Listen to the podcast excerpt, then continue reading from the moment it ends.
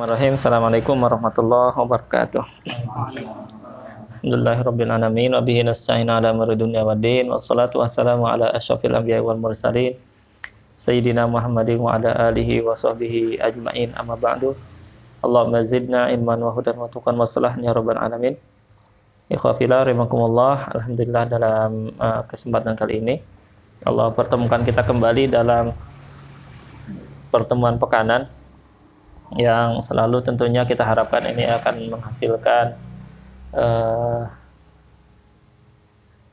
wawasan-wawasan tentang keislaman kita, pemahaman kita yang betul tentang syariat ini sehingga kita bisa meyakini bahwa tidak akan lahir sebuah uh, amalan kecuali itu harus didasarkan dengan ilmu gitu.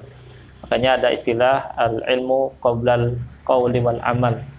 Ilmu itu ya sebelum berbicara dan sebelum melakukan itu harus didasarkan ilmu. Makanya dalam ayat disebutkan fa'lam annahu la ilaha illallah. Fa'lam ketahuilah. Artinya sebelum kita meyakini maka harus didasari dengan ilmu.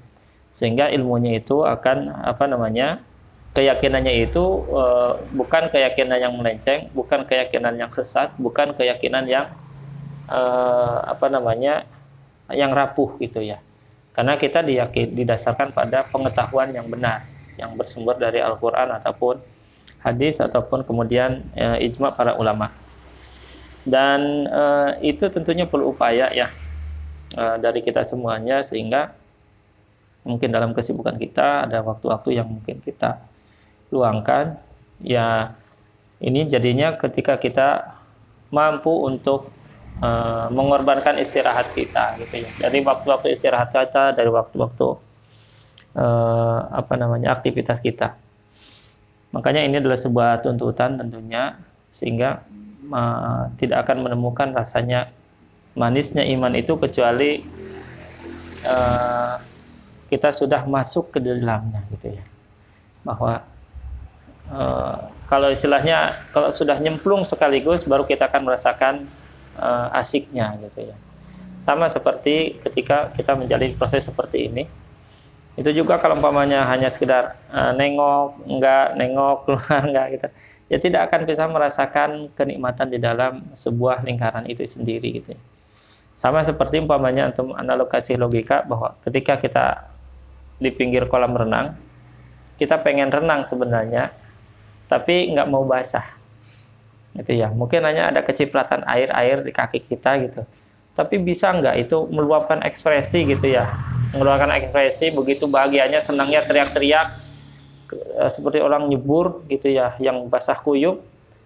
Justru dia dengan cara seperti itu itu akan menemukan apa namanya kepuasan tersendiri kan?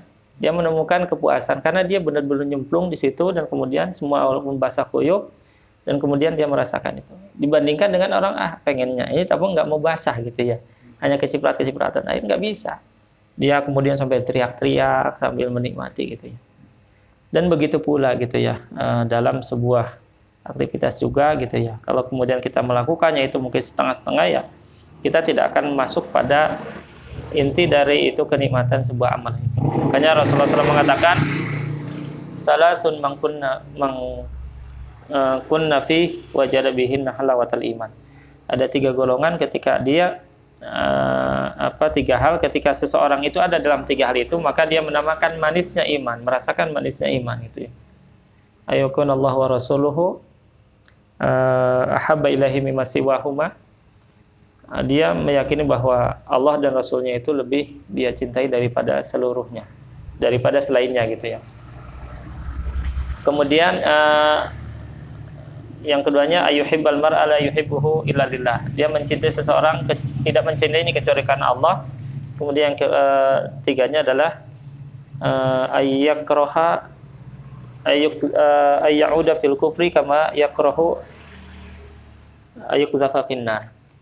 Dia uh, benci membenci kembali kepada kekufuran seperti bagaimana dia membenci kepada uh, dijerumuskan ke neraka gitu ya. Nah, kalau salah kalau di antara kita sudah merasakan dalam itu, maka kemudian dia akan merasakan manisnya uh, iman itu. Sama umpamanya kita bagaimana kita bisa pengen merasakan manisnya berjamaah. Kalau umpamanya kita masih apa melakukan jamaah itu kayak zebra cross gitu ya. Ya belang-belang kayak gitu, ya tidak akan merasakan Kenapa? Karena tidak nyebur terlibat di situ gitu. Nah, sampai seperti ini. Uh, jadi uh, yang kemudian ikhwafillah kita kita ingin bahwa ini menjadikan sebuah kenikmatan ya harus ada rasa uh, kebutuhan di dalam diri kita. Gitu ya. Ada kebutuhan di dalam diri kita. Kalau kita sedang merasa butuh namanya butuh itu pasti akan dicari ke mana pun juga gitu ya. Akan dicari gitu ya. Dalam kondisi apa pun bahwa ini saya merasakan kebutuhan itu. Nah untuk merasakan memunculkan rasa kebutuhan itu tergantung sensitivitas kita di dalam uh, meriayah keimanan kita di dalam mengoreksi dan mengontrol keimanan kita gitu ya. Jadi kalau kita merasakan bahwa adanya di situ keimanan yang kemudian uh, oh saya sedang dalam kondisi down gitu ya. Akhirnya nggak datang ya semakin semakin down gitu ya. Oh saya sedang dalam kondisi lemah, saya memaksakan untuk hadir dan kemudian bisa Eh, kita merasakan nikmatnya semua sajian baik tilawahnya, baik sharingnya gitu ya. Bahkan mungkin candanya dan tawanya segala macamnya yaitu tanpa dirasa ternyata kita sedang menikmati proses itu. Nah, itu tentunya ikhwafillah rahimakumullah uh, perlu tadi ya, perlu uh, mujahadah, perlu kemudian melatih diri untuk bisa kemudian uh, menjalani proses itu.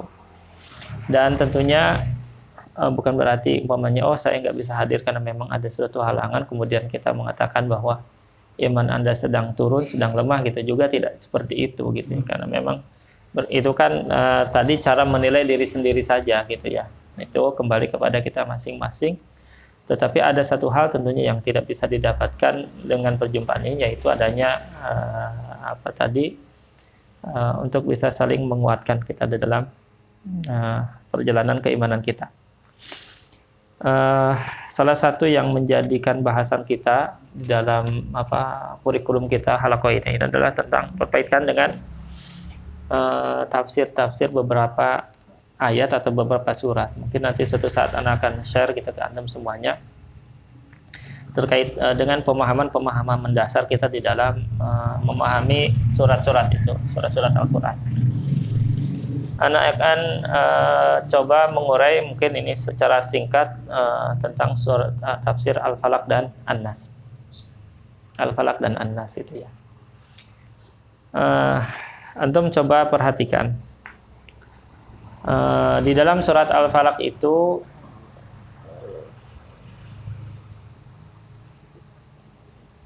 kita memohon kepada Allah dengan satu perangkat. Kul a'udzu birabbil falaq. Eh Muhammad, katakanlah aku berlindung kepada Allah da, kepada uh, Rabb uh, Rabbil Falak yang menguasai subuh. Satu gitu ya. Jadi Rabbil Falak itu yang kemudian kita mengatakan ini perangkat untuk memohon perlindungannya pada Allah. Satu.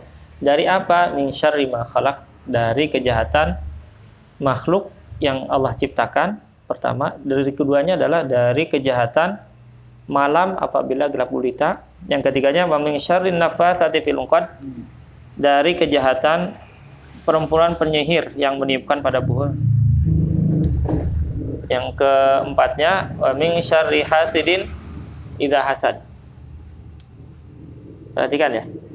Yang di dalam al-falak ini tadi satu dengan perlindungan dengan satu perangkat tetapi dari beberapa hal. Gitu ya. Berlindungan dari empat hal. Ya kan? Dari kejahatan makhluk ke dari kejahatan malam kejahatan penyihir dan kejahatan orang yang hasud. Ini satu. Yang kedua surat An-Nas. Ini uh, sangat ini sekali nih. Uh, kalau kita analisa. Hmm, ditelaah lebih jauh gitu ya. Ada perbedaan. Kul a'udzu birabbin nas. Kul katakanlah aku berlindung kepada Allah dari uh, kul uh, aku berlindung kepada Tuhan manusia. Satu Tuhan manusia. Apakah langsung mengatakan yang ayat keduanya sebagai pelindungnya dari apa? Kan tidak. Ayat keduanya kemudian malikin nas, yaitu aku berlindung kepada malikin nas, rajanya manusia. Yang ketiganya ilahin nas, aku berlindung kepada Allah, ilahnya manusia, kepada Tuhannya manusia kita. Jadi perangkatnya tiga di sini. Birobin nas, malikin nas, ilahin nas. Itu ya. Kalau tadi perangkatnya satu, kemudian berlindungnya dari empat hal. Di sini kan Anas ini berlindung kepada Robnya manusia, Maliknya manusia, Rajanya manusia, dan ilahnya manusia, Tuhannya manusia. Dari apa? Perhatikan, berlindungnya dari satu hal. Min syarril waswasil khannas. Dari kejahatan bisikan setan yang bersembunyi. Ya. Kemudian menyebutkan lagi alladzi yuwaswisu fi. Ini karakternya nih. Dia yang membisikkan kejahatan ke dalam dada manusia minal jinnati wan nas dari golongan jin dan manusia. Artinya setan itu adalah karakter dia bisa dari golongan jin dan golongan manusia.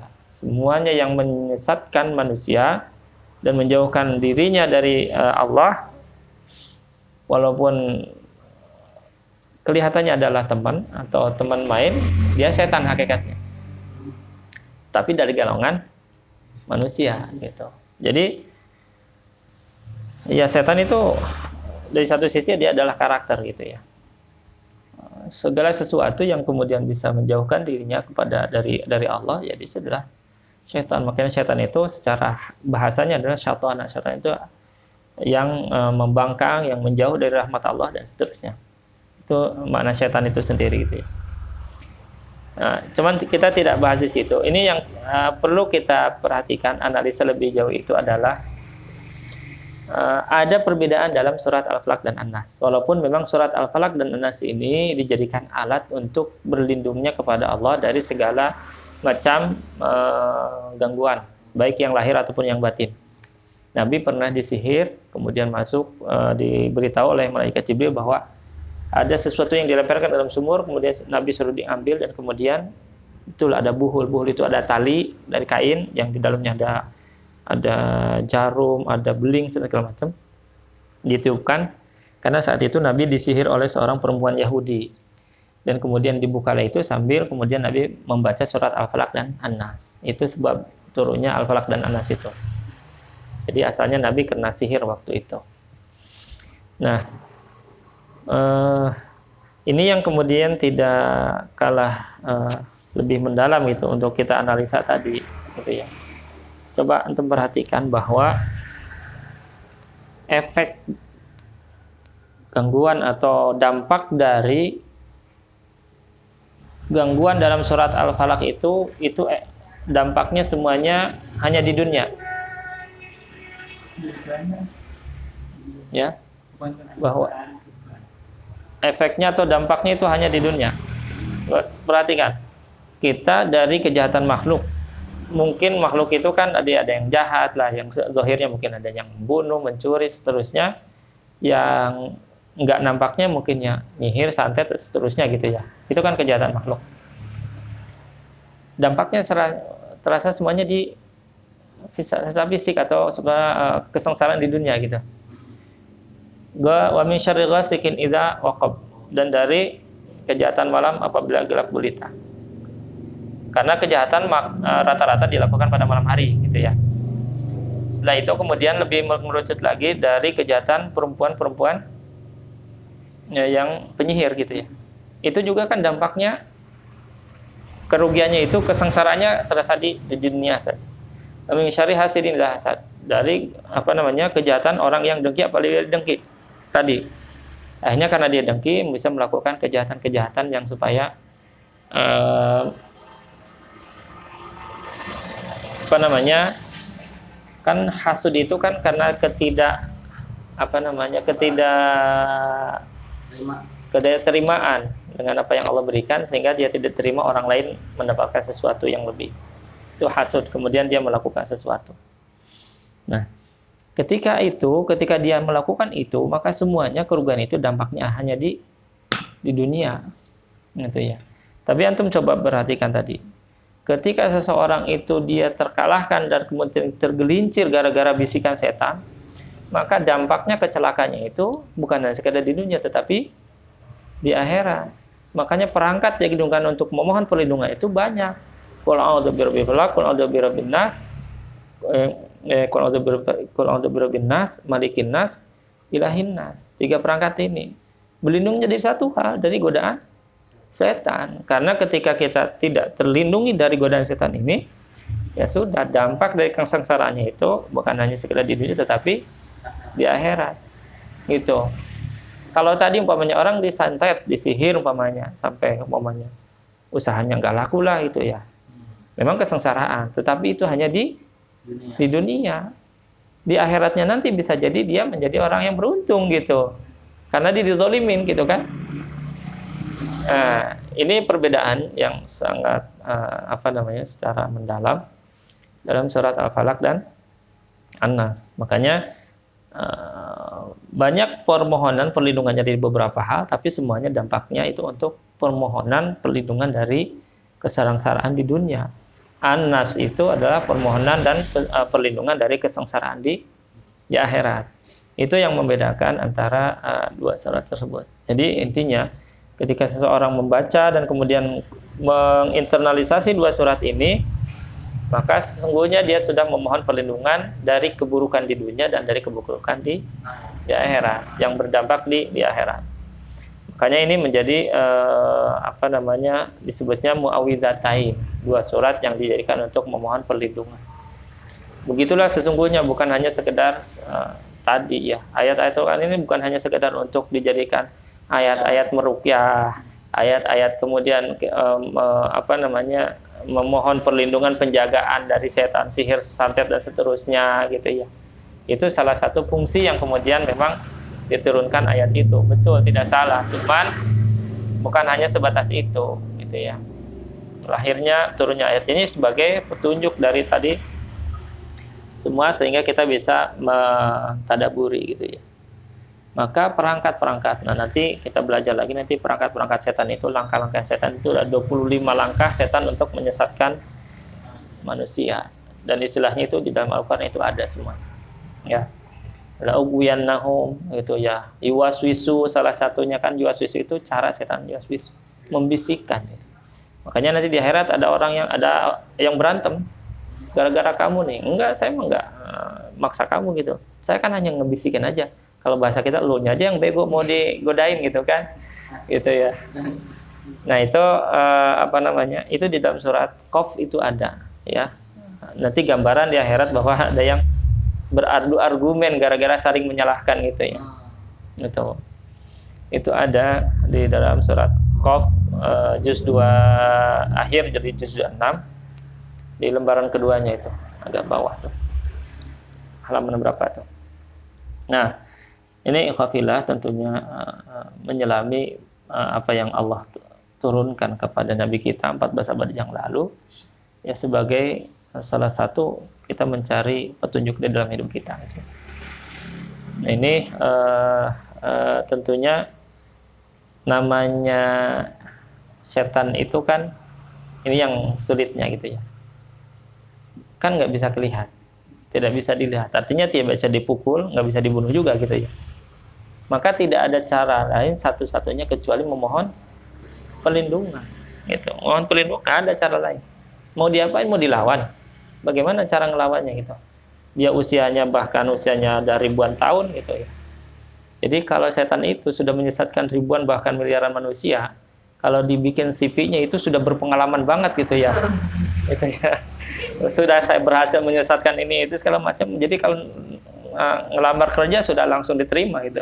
Pengalamannya banyak. sudah banyak. Mungkin CV-nya itu kalau dituliskan itu udah berbuku-buku kali ya.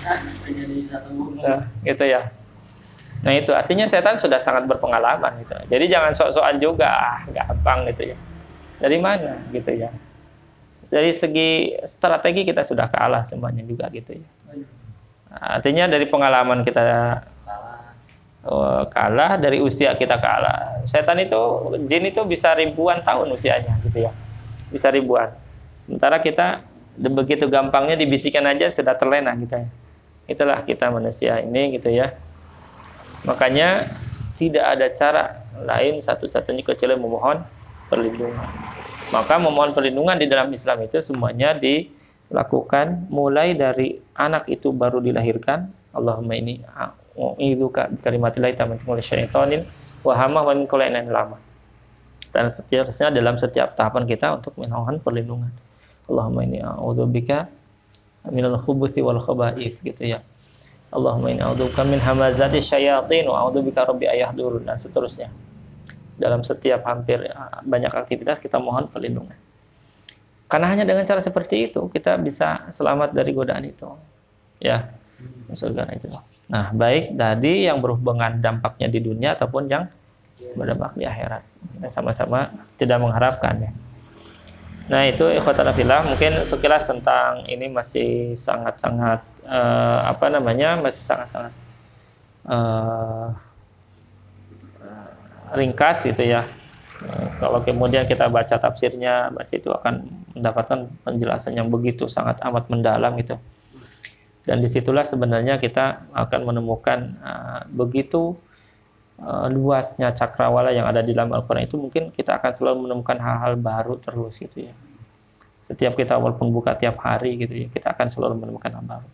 Dari situlah sebenarnya yang menuntut kita untuk selalu kita merasakan bahwa Al-Quran ini oh benar. Memang jadi petunjuk gitu kan. Ketika kita melakukan hal ini, ya kalau enggak ya hanya sekedar gitu, ritual baca selesai, tidak ada korelasinya dengan apa yang ditunjukkan itu dan dengan apa yang dilakukannya. Itu. Ya itulah apa yang bisa disampaikan. Mudah-mudahan mengingatkan anak sendiri dan antum semuanya. Uh, ini bagian daripada madah yang harus kita terima harus kita pelajari dan kemudian mungkin nanti ada dari segi sosialnya dari segi akidahnya dari segi fikih dari segi itunya nanti sudah ada kurikulumnya sendiri yang insya Allah secara bertahap kita sehingga pemahaman kita terhadap Islam secara menyeluruh jadi tidak uh, sepotong-sepotong tidak separuh-separuh yang memahami Islam ini bahwa Islam sebagai agama yang syamil mutakamil, yang komprehensif. Aku luka lihat, Assalamualaikum warahmatullahi wabarakatuh.